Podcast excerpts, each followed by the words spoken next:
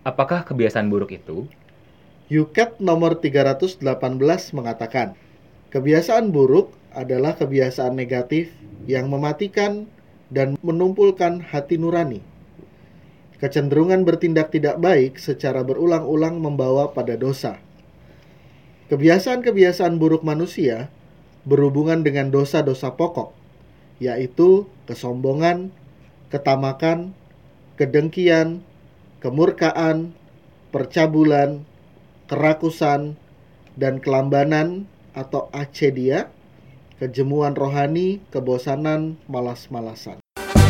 Hai kawan-kawan muda yang tergabung dalam UKET Indonesia Mari bersama satukan hati Jadi pelaku iman yang sejati Oke, halo semua. Welcome back to podcast Peziarah Fit UCAT Indonesia. Karena semua kita adalah peziarah, Baik lagi nih bareng saya William saya Willem. Saya Romo Uut.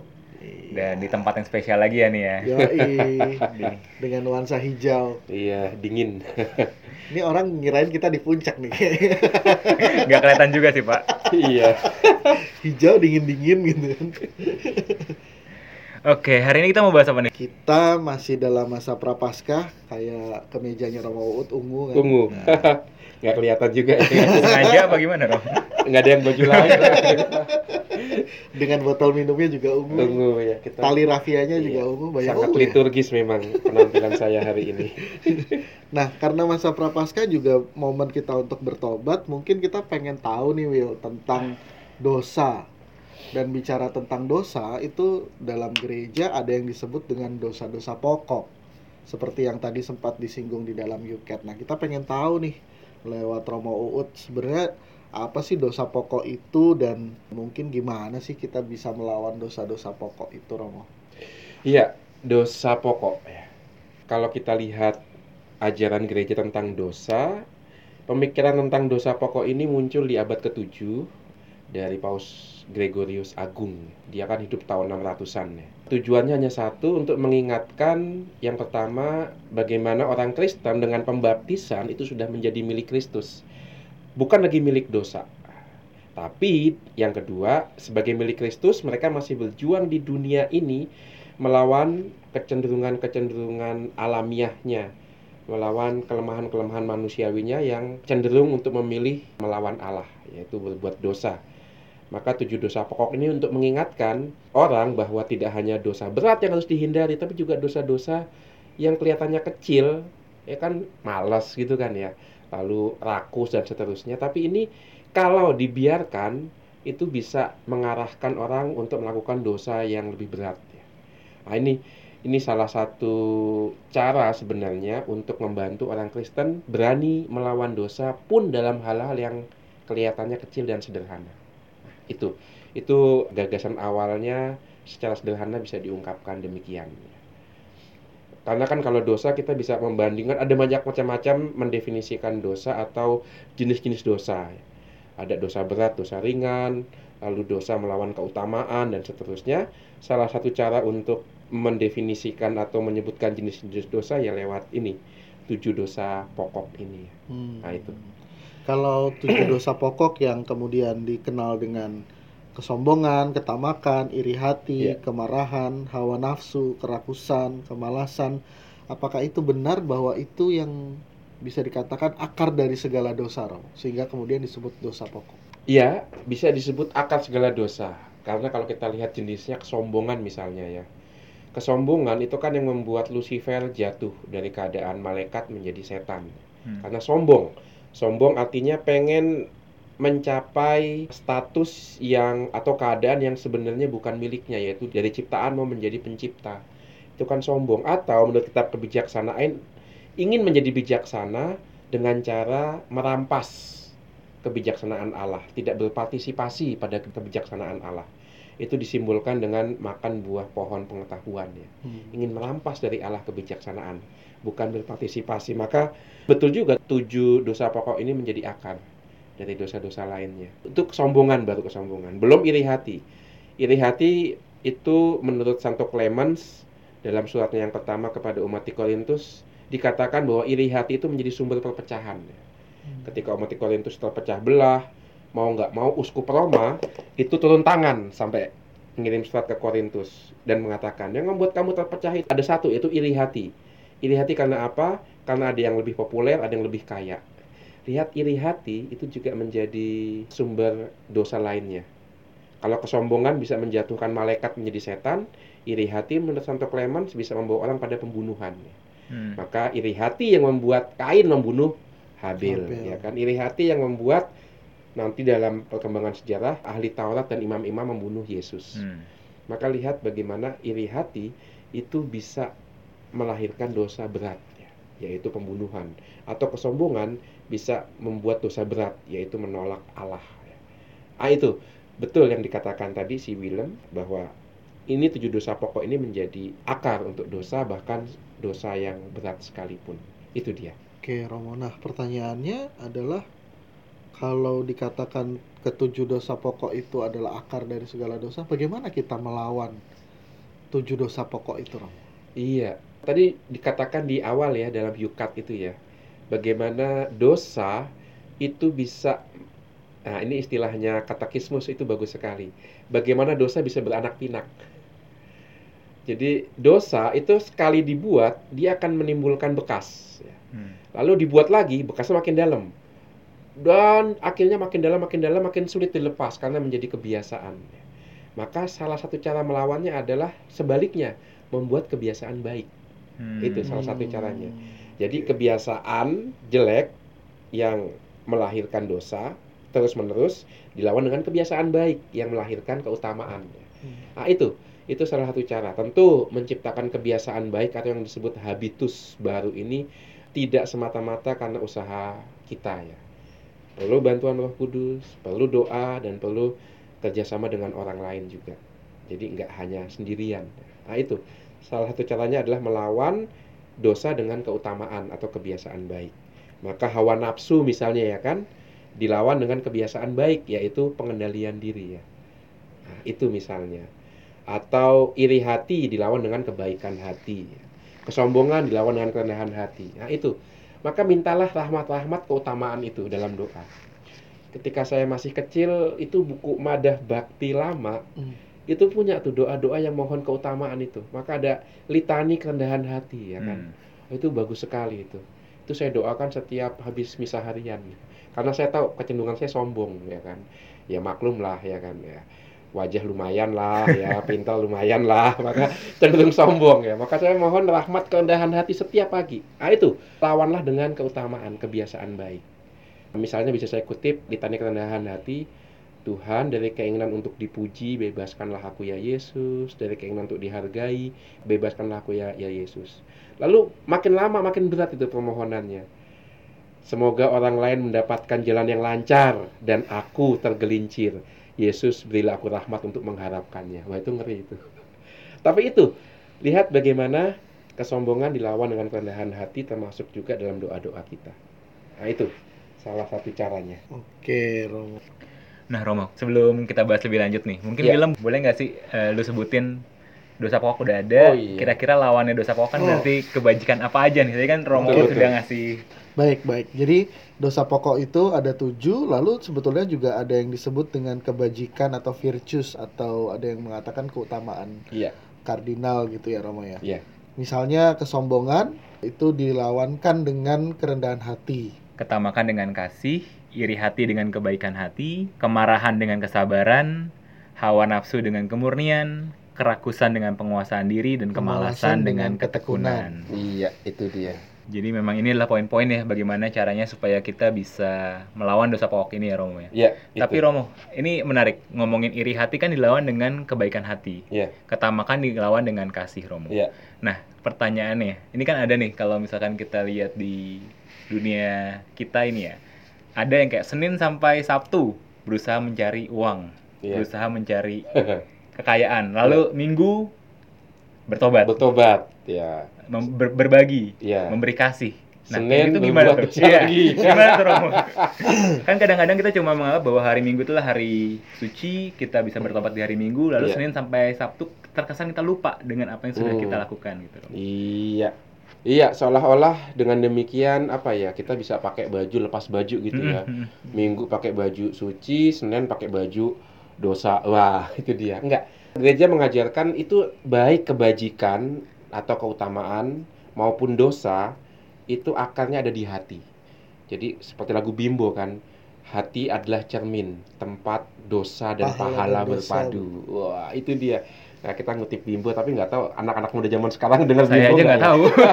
Itu Kita sudah beda generasi. udah beda generasi ya. Ini Willem ketawa karena dia udah tua berarti ya tak kenal Bimbo. Iya, jadi akarnya itu di hati sebenarnya. Maka ini bukan masalah ganti baju, tapi masalahnya apa yang ada di hatimu. Hati nggak bisa diganti itu. Maka orang nggak bisa semudah itu ganti bendera.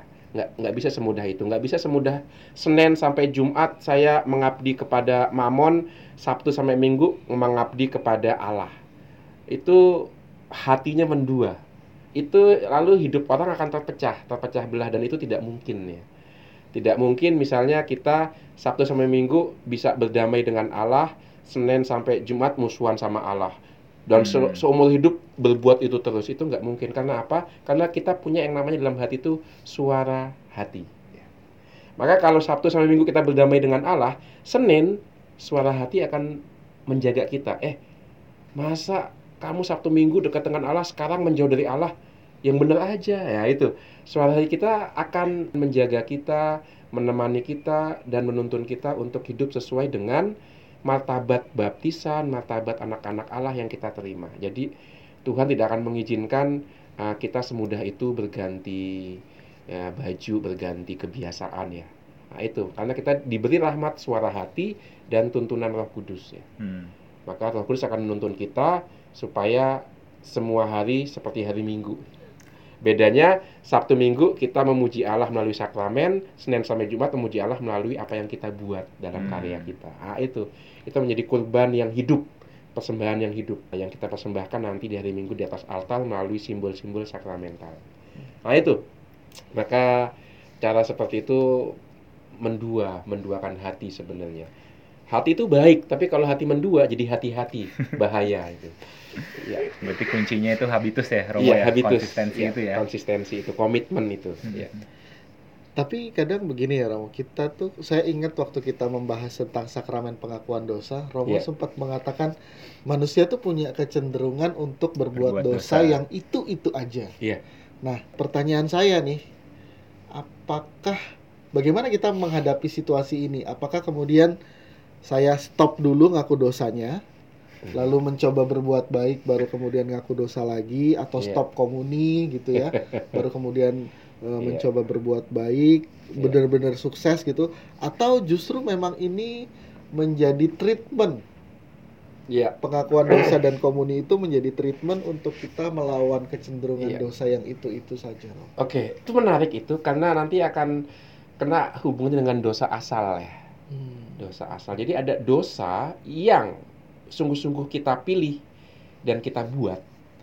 Itu dosa kebiasaan jelek, ya itu yang kita buat itu karena pilihan bebas kita itulah dosa yang setiap hari kita buat atau kita ulang-ulang. Tapi ada dosa yang mau nggak mau kita terima. Nah, itu yang disebut dosa asal, yaitu kecenderungan untuk memilih yang jelek daripada memilih yang baik. Kecenderungan itu sudah ada dalam diri kita, melekat pada kita sebagai manusia. Entah kita memilih, entah kita tidak, dia ada di sana. Ini yang namanya keadaan objektif dosa. Jadi rupanya manusia itu salah satu cirinya adalah kemungkinan berbuat dosa. Kecenderungan berbuat dosa. Itu bukan tempelan. Seolah-olah dulu ada manusia yang bersih, lalu kemudian ditempelkan dengan dosa enggak. Hakikat manusia adalah dalam hatinya dia punya kecenderungan untuk berdosa.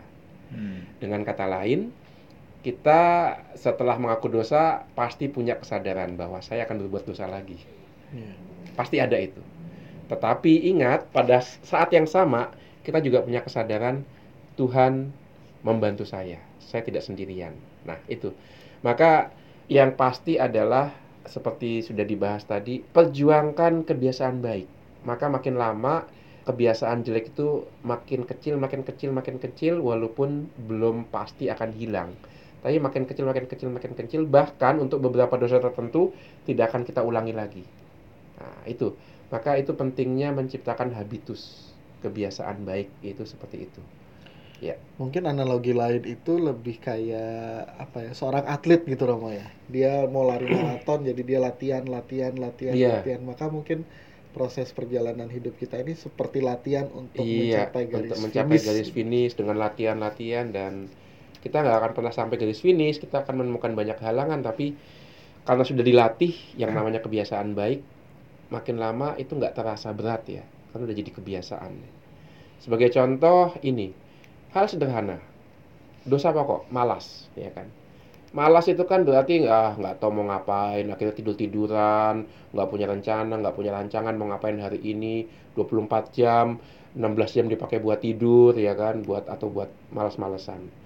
Tapi ketika dia dituntut untuk membersihkan kamar, dia punya kebiasaan membersihkan kamar. Hari ini agak malesan, besok udah lebih oke, makin lama makin jadi kebiasaan. Kalau nggak bersihin kamar, something missing, ada yang hilang. Ya. Tapi lihat dari membersihkan kamar, dia punya sesuatu yang lebih luas. Kenapa hanya kamar yang saya bersihkan? Kenapa nggak pikiran saya saya bersihkan juga? Ya. Lebih batin lagi. Maka dia mulai membaca, mulai doa yang rutin untuk membersihkan hati dan budinya.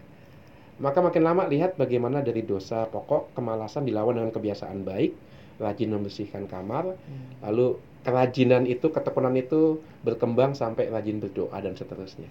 Nah itu, itu contoh sederhana dosa dilawan dengan kebiasaan baik. Oke, berarti Iya. bukan jawaban ketika kita misalnya mau menghindar dari pengakuan dosa atau komuni ya. Ketika Bukan. kita tahu kita punya kecenderungan dosa Oh, bukan. itu itu aja. Bukan karena itu melekat dengan hakikat kita sebagai manusia ya. Nah, kadang-kadang kan ada orang yang malu apalagi ketemunya romonya itu-itu aja, dosanya itu-itu juga, Romo. Oh. Romo saya mencuri, ya. ketemu Ah. lagi sebulan kemudian Romo saya mencuri mencuri, lagi. ya. Nah itu itu perlu dilihat, itu perlu konsultasi kalau begitu. Karena apakah jangan-jangan hidup rohaninya tidak berkembang, dia nggak sadar akan apa yang dia buat. Karena kalau dia nggak sadar kan berarti nggak tahu apa yang dia minta kepada Tuhan, keutamaan apa yang diminta. Lalu kalaupun meminta, apakah itu diwujudkan dalam prakteknya, dilatih apa enggak? Nah itu itu perlu dikembangkan maka orang dibaptis punya kewajiban tidak hanya menghindari dosa tapi mengembangkan kebiasaan baik Hmm. jadilah engkau sempurna seperti Bapamu di surga adalah sempurna. Wah, itu itu bagian dari hidup orang Katolik itu, tidak pernah puas dengan keadaan statusnya yang sekarang ini dalam hal kebiasaan baik. Itu. Nah, berarti Romo ada tips nggak sih bagaimana caranya supaya kita punya habitus yang positif? Oh ya, tipsnya. Yang pertama adalah sadar hidup saya belum sempurna. Masih ada sesuatu yang harus dikembangkan ya. Maka lihatlah misalnya kriterianya tujuh dosa pokok ya. Dari tujuh dosa pokok itu mana sih yang masih melekat di hatiku? Iri Hmm. hatikah, ya kan? Sombongkah? Dan seterusnya. Maka sadari dulu bahwa dalam hati saya itu ada kecenderungan kecenderungan yang mungkin salah satunya dibantu dengan melihat kriteria tujuh dosa pokok itu ya. Begitu ketemu dan begitu sadar bahwa ini rupanya kecenderungan yang masih sering saya buat, pertama-tama mintalah rahmat Tuhan dalam doa, doa dulu ya. Doa, maka misalnya saya punya seperti tadi ya, punya kecenderungan sombong, mintalah rahmat kerendahan hati. Kecenderungan malas, mintalah rahmat ketekunan ya. atau kehendak yang kuat. ya. Nah, itu. Lalu setelah itu dari doa lalu kan orang berpikir, masa saya hanya minta-minta aja sih? Kan Tuhan juga memberikan saya kekuatan. Maka cari wujud konkret untuk mewujudkan Hmm. uh, keutamaan itu ya kan dari hal sederhana membersihkan kamar menyapa orang membiarkan orang banyak lebih misalnya kesombongan dilawan dengan konkretnya jangan banyak bicara tentang diri sendiri. Ya itu misalnya. Ya jadi itu. Sederhana saja lawan kesombongan tadi misalnya tidak membicarakan diri sendiri tapi lebih banyak mendengarkan. Nah itu kan hal-hal kecil itu. Ibu Teresa dari Kalkuta sangat sangat kita lihat sangat peka dengan hal ini ya. Dia rupanya punya kecenderungan sombong juga ya. Maka dia kemudian membuat litani kerendahan hati ya kan. Tidak banyak membicarakan diri sendiri, tidak banyak membicarakan jelekan orang lain, berani memilih yang sulit. Nah, itu untuk melawan kesombongan. Seperti itu. Tipsnya nih mirip banget dengan ininya Yuket ya, no share limit express selalu. Oh ya, itu ya. Mengenal diri dulu, Oh iya. terus berbagi Minta lalu rahmat. minta rahmat Iya. dalam perjumpaan dan mengekspresikan melalui perbuatan-perbuatan konkret ya. Persis. Oh, itu kan juga seperti jalan sederhananya Ibu Teresia ya. Hmm. Hening, doa, iman, lalu kasih, lalu pelayanan, lalu damai. Nah, itu itu rupanya sama strukturnya tuh. Iya. Nah, Romo, ada pertanyaan lain juga nih. Bisakah kita, kalau kita misalnya sudah tahu ya, oh saya punya kecenderungan dosanya yang ini, ini, Mm-mm. ini gitu. Iya. Bisakah kita juga melatih diri kita untuk menghentikan dosa di titik-titik ter- tertentu? Mhm. Misalnya ketika seseorang punya kecenderungan untuk mencuri, lalu dia bisa tahu nih, oh saya biasanya mencuri nih karena ada apa nih? Oh karena iya, ada keinginan. Nah, persis. bisa nggak kita menghentikan itu ketika kita sebelum berbuat dosa dalam titik-titik krusial tertentu? Iya. Ah, itu yang namanya tadi tahap pertama ya, mengenal diri itu ya. Hmm. Maka mengenal Nah, jadi begini, saya di masa prapaskah ini sempat berpikir. Karena kan menerima pengakuan dosa juga dan ada orang mengeluh kok dosanya itu-itu aja. Saya berpikir jangan-jangan Tuhan belum mengizinkan kamu untuk lepas dari dosa itu karena kamu Oh. belum menganalisa keadaan Oh. kamu sebenarnya. Kamu perlu belajar dari dosa itu. Kamu perlu belajar mengenal dirimu situasi-situasi apa yang membuat kamu mudah memilih dosa yang sama. Jadi ternyata kebiasaan yang sama itu terulang-ulang merupakan kesempatan yang diberikan Tuhan untuk lebih mengenal diri kita, Hmm. menganalisa dosa kita, belajar dari kesalahan itu. Maka itu kesempatan belajar sebenarnya. Tahu momen-momen penting yang membuat saya kemudian kapan nih saya terjerumus nih. Nah, itu. Jangan-jangan dia belum sampai ke detail seperti itu. Lalu pengen pengen pengen cepat-cepat lepas gitu kan. Oh no, Tuhan tuh sabar kok. Kamu juga sabar gitu kan. Nah, itu. Jangan-jangan mengapa kita jatuh dalam kebiasaan yang sama karena kita belum belajar dari pengalaman itu. Maka Tuhan juga memakai cara-cara yang manusiawi kan dia juga pakai analisa juga ya itu dipakai Tuhan juga tuh. Mengenal diri menganalisa momen-momen penting kapan saya jatuh ya kan ya. Nah itu misalnya ya kan. Misalnya kebiasaan mencuri muncul ketika ada barang yang menarik dan ketika orang sepi. Wah ini kesempatan mencuri. Nah ketika saya sadar itu kebiasaan itu akan muncul pada momen-momen tertentu ya udah saya menjauh saya menolak. Nah misalnya seperti itu. Tapi itu kan hanya terungkap kalau saya menganalisa lebih dulu pengalaman saya. Maka betul apa yang dikatakan para filsuf Yunani, mengenali diri itu awal kebijaksanaan tuh. Itu langkah Hmm. awal tuh. Titik berangkat makannya. Ya, itu dia. Dalam juga ya. Dalam sekali. Eh, Enggak, Romo kadang-kadang kita melihat dosa itu sebagai sesuatu yang memang ya kelemahan kita, Iya. kekurangan kita, tapi that's it gitu ya. Kalau Oke. buat saya pengalaman pribadi ya. Tapi ternyata nggak tahu ya kalau dalam pujian pasca exultat kan kita selalu melihat dosa Adam itu felix culpa, Iya. dosa yang mengagumkan. Dosa yang menggembirakan. Menggembirakan. Felix Culpa Mungkin ya. juga kadang eh saya nggak tahu ini disposisi yang benar atau tidak. Kita bersyukur juga bahwa kita berdosa supaya kita bisa menganalisa diri kita. Iya. Tuhan mengajarkan apa lewat kekurangan-kekurangan kita gitu. Iya. Ah itu itu saya diinspirasikan oleh tulisan dari seorang rahib Oxo Amerika yang menulis buku Seven Story Mountains itu ya.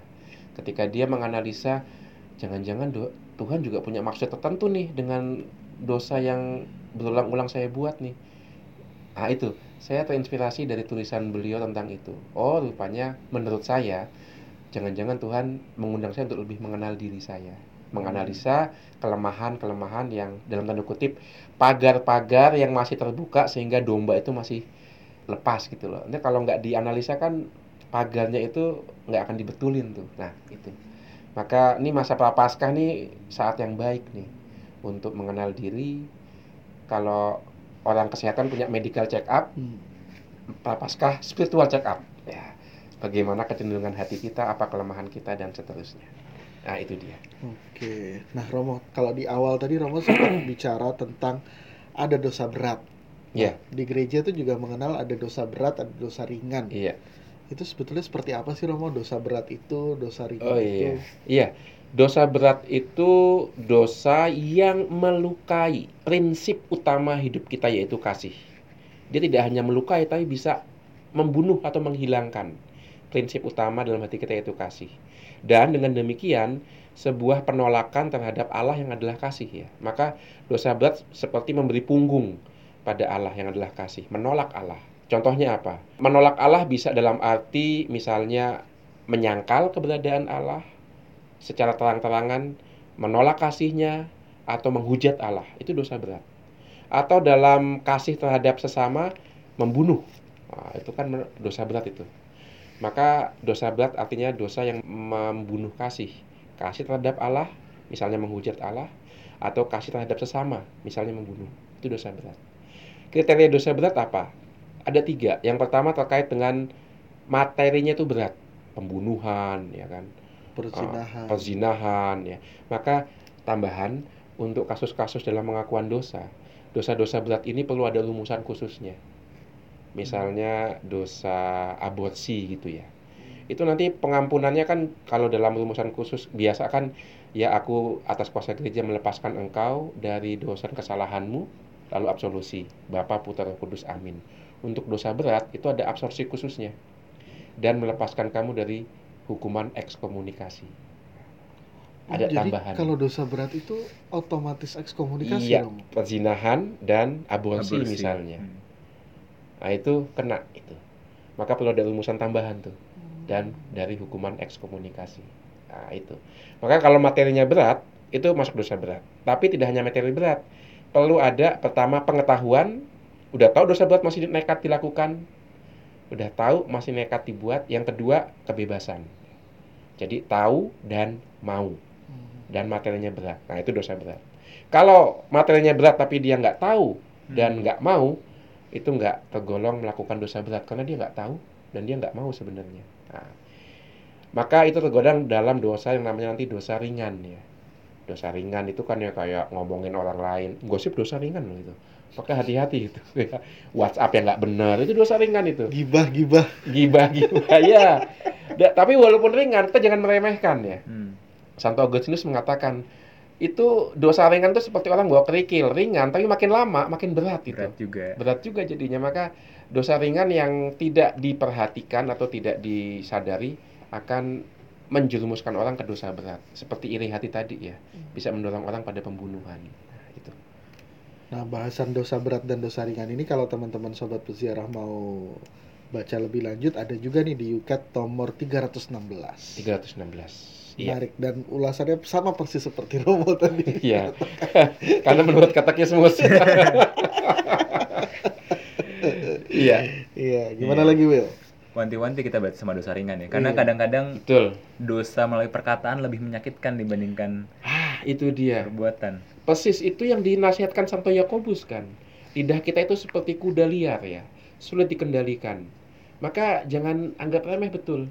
Karena ya itu juga nasihatnya Mahatma Gandhi kan, kata-kata menghasilkan pikiran, pikiran menghasilkan perbuatan, perbuatan melahirkan tindakan, tindakan melahirkan kebiasaan, kebiasaan membentuk karakter. Nah, itu. Maka kalau kita membiasakan diri berkata-kata jelek tentang orang lain, sebenarnya kita membentuk orang lain itu dengan karakter jelek seperti yang kita katakan.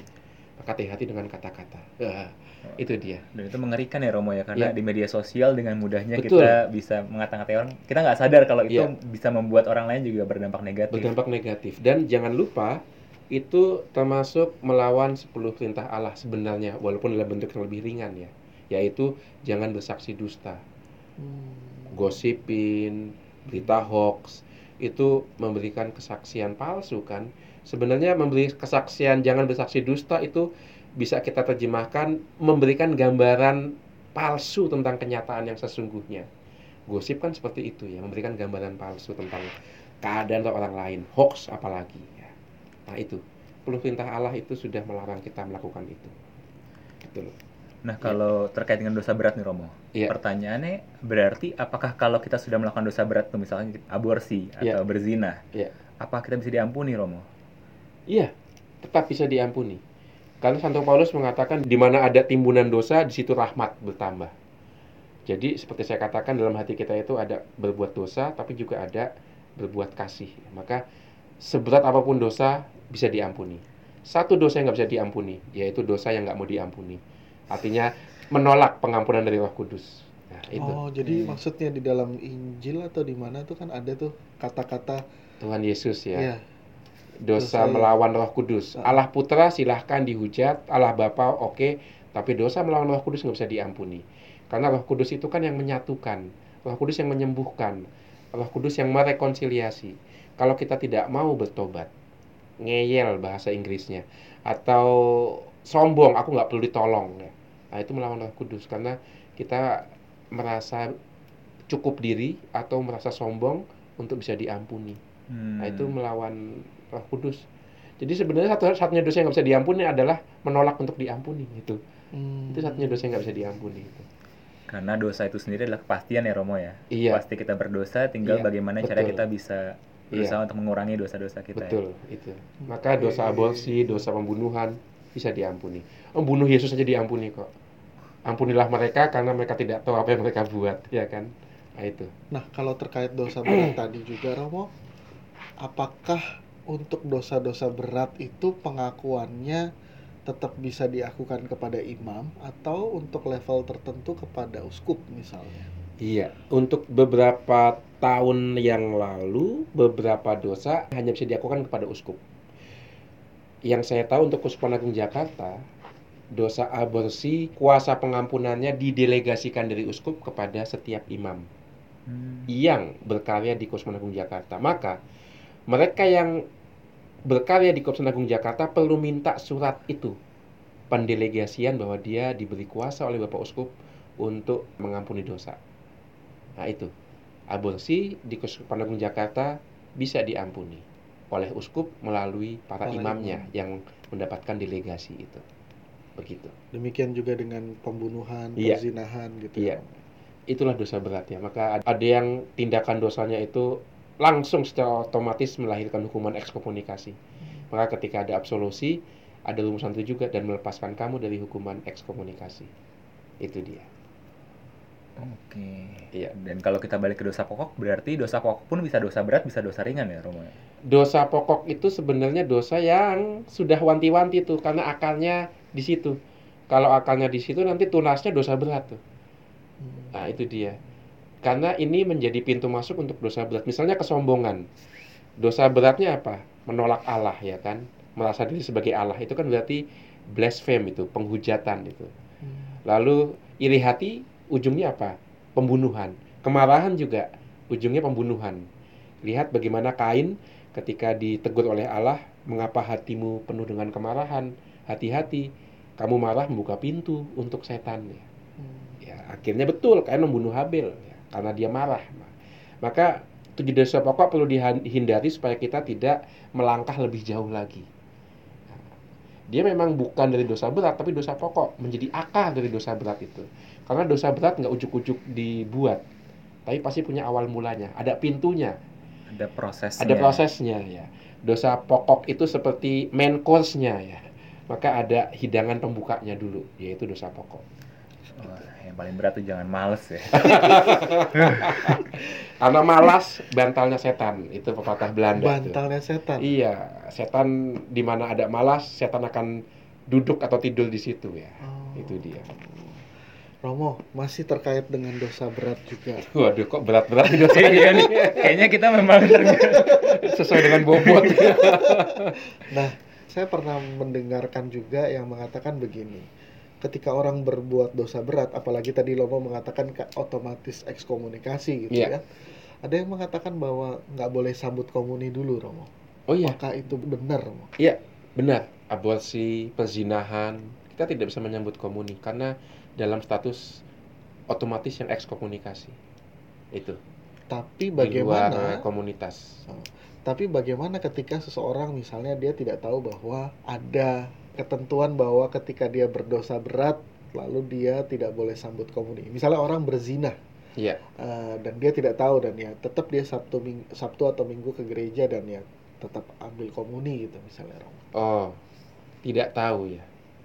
Kalau tidak tahu agak susah juga ya. nah, kalau tidak tahu, ya ini dia. Ini yang dikatakan Santo Agustinus ya, ketika mau menjawab perdebatan dengan Donatis, apakah uskup yang pernah menolak Yesus sebagai Allah karena takut disiksa itu tahbisan imamat yang dia berikan itu sah ya. Agustinus mengatakan sah tahbisannya.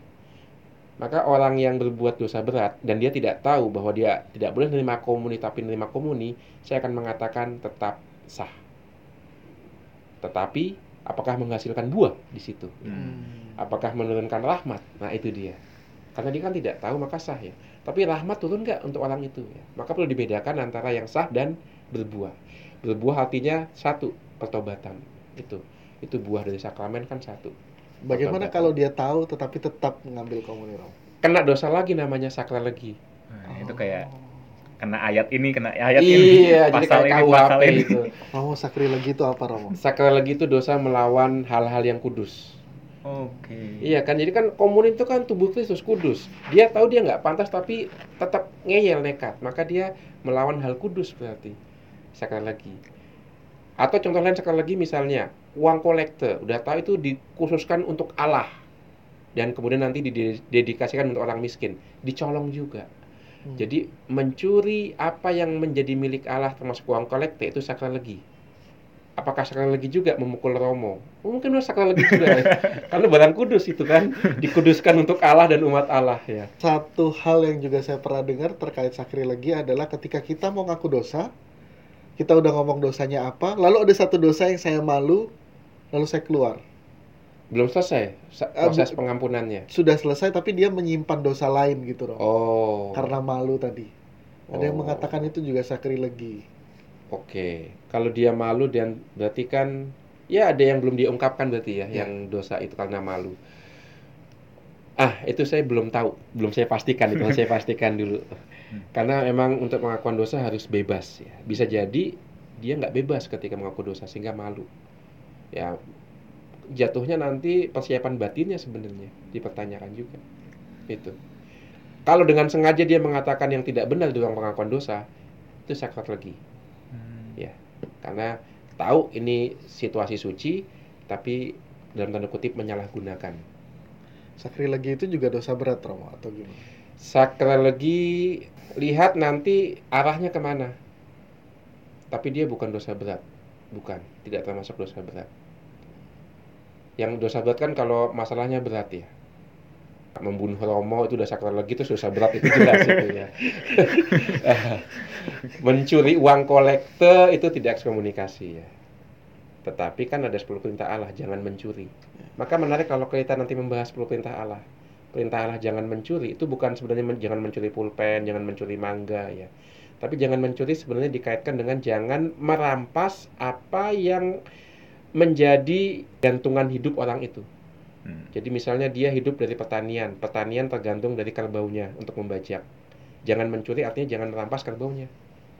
Itu Jangan sebenarnya. matiin rezeki orang. Jangan gitu. matiin rezeki orang, jangan membuat orang itu kemudian kehilangan sumber eh, nafkahnya, mata pencariannya. Itu jangan mencuri arahnya ke situ. Kolektor kan enggak membuat orang mati atau kehilangan nafkah ya, maka bukan dosa berat. Dan di dunia yang kompetitif sekarang tuh kadang-kadang kita nggak sengaja ya mematikan rezeki orang. Ah, itu dia.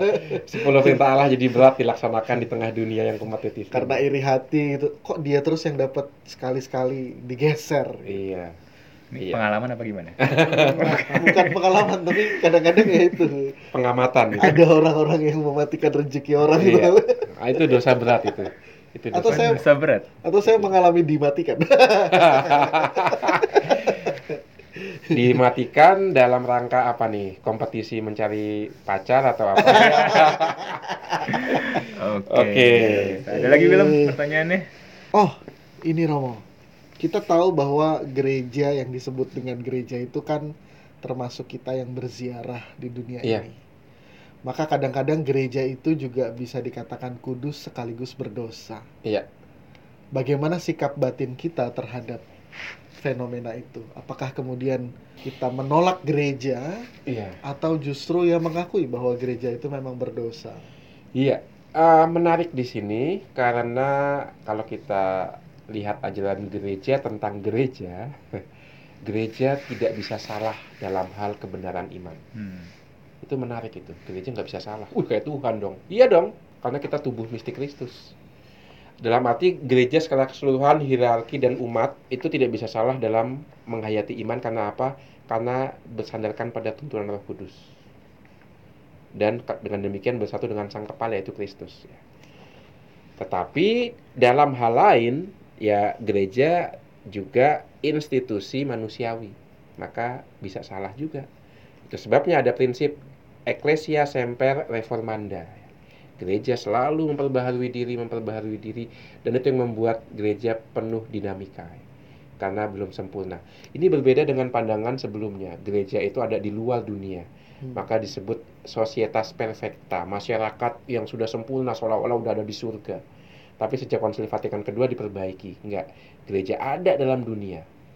Akarnya di mana? Akarnya dari inkarnasi Yesus. Yesus sendiri masuk ke dunia kok. Dan Yesus pun disalib menanggung dosa kita. Maka apa yang dikatakan Willem tadi sempat terjadi di abad kelima itu. Ketika Donatisme ingin menciptakan gereja yang murni, pure, tidak ada pendosa, Hmm. maka semua yang berdosa ditolak. Agustinus mengatakan, kamu kalau punya prinsip seperti itu, kamu sebenarnya melawan prinsip kasih ya. Karena ingat ajaran Paulus, Santo Paulus, kasih pertama-tama sabar. Sabar menanggung orang yang lemah, sabar menanggung uh, kelemahan gereja juga kalau begitu. Ya, itu. Sabar menanggung romo-romo paroki yang punya kelemahan juga. Ya kan? Ya, itu dia. Nah, bagaimana menjelaskan fenomena ini kepada orang-orang yang mungkin muak terhadap gereja lalu menjauhi gereja? Ah, gereja itu munafik, ah gereja itu. Oh, iya. Saya akan mengatakan apa yang dikatakan Santo Agustinus tadi ya. Kalau kamu sungguh murid Kristus, berarti kamu punya kasih. Dan buah kasih yang pertama itu sabar, menanggung kelemahan orang lain. Karena Santo Paulus pun menulis itu kepada umat di Korintus yang nggak sabar menanggung kelemahan orang lain karena mau mengharapkan orang-orang di Korintus itu hebat-hebat. Maka Paulus dibandingkan dengan Apolos, dibandingkan dengan Petrus. Pokoknya mau yang baik-baik, yang hebat-hebat. Paulus mengatakan, eh, ada banyak keutamaan, tapi pilihlah jalan yang paling utama yaitu jalan kasih. Maka kepada mereka yang menolak gereja karena banyak kelemahannya, hati-hati ya, kamu melawan kasih sebenarnya dengan menolak Hmm. itu. Ya, itu dia. Oke. Kristus saja sabar kok dengan gereja ya. Mempelai laki-laki sabar dengan mempelai perempuannya itu gereja. Masa kamu yang manusia nggak sabar dengan sesamamu ya? Itu dia. Dan jawaban Romo bisa dicek nih di Yukat nomor 13 Iya. Apa tuh, Will? Coba. tentang dapatkah gereja salah dalam hal iman. Ah. Persis dengan apa yang Romo katakan. Yes. Iya dalam hal itu kita nggak bisa salah lah. Sensus fidei itu, wah itu dia. Maka mungkin buat teman-teman yang memang punya pemikiran gereja itu munafik, ya kita perlu memberikan pemahaman yang lebih clear ya. Iya. Yang mungkin berdosa itu ya memang unsur-unsur kemanusiawiannya. Kemanusiaannya kan objektif. Dosa itu sudah ada sebelum kita kok ya. Bahkan malaikat aja berdosa ya. Karena ada orang-orang yang mengambil posisi, saya Katolik tapi saya tidak butuh gereja karena gereja itu munafik. Oh silahkan, tapi kalau kamu nggak memiliki gereja sebagai bunda, kamu nggak memiliki Allah sebagai bapa. Nah, itu yang diajarkan Santo Siprianus. Kalau kamu tidak memiliki gereja sebagai ibu, kamu nggak akan punya Allah sebagai bapa. Karena kamu dibaptis dalam gereja, ya kan? Dan mungkin kecenderungannya orang-orang itu memang orang-orang yang dipenuhi ketidaksabaran. Betul, mungkin di- mungkin dia punya luka batin dengan gereja atau dengan oknum-oknum dalam gereja. Maka saya akan mengatakan biarkan berproses, biarkan sembuh, nanti dia akan balik lagi kok. Saya berani mengatakan kalau dia sudah lama hidup dalam gereja, akarnya udah begitu kuat. Mungkin yang ditebang hanya atasnya, tapi akarnya masih tertanam. Dia pasti akan kembali. Gitu. Ya, Contoh yang paling kelihatan presiden di negeri tetangga. Iya kan? kembali. iya, itu dia. Oke. Oke. Luar biasa banget bahasan ini berat ya. Berat. Sesuai dengan Blowing. topiknya. Dosa ya. Dosa. Ya, semoga di masa prapaskah ini juga kita bisa lebih memahami tentang dan mengenal diri kita sendiri, Ya. dosa-dosa apa yang mungkin Iya. sering kali kita lakukan dan lebih berproses ya untuk bisa bagaimana Betul. caranya kita belajar untuk Iya. mengurangi, melawan Iya. dan justru bisa melakukan kebaikan, kebijaksanaan Iya, tadi iya. ya. Thank you Romo Ut untuk Terima waktunya hari ini. kasih sama-sama. Thank you juga William kalau gitu. Thank you sobat peziarah semua sudah mau mendengarkan. Saya William. Saya William Saya Rama Uut. See you next time sobat peziarah semua. Bye bye. bye, -bye.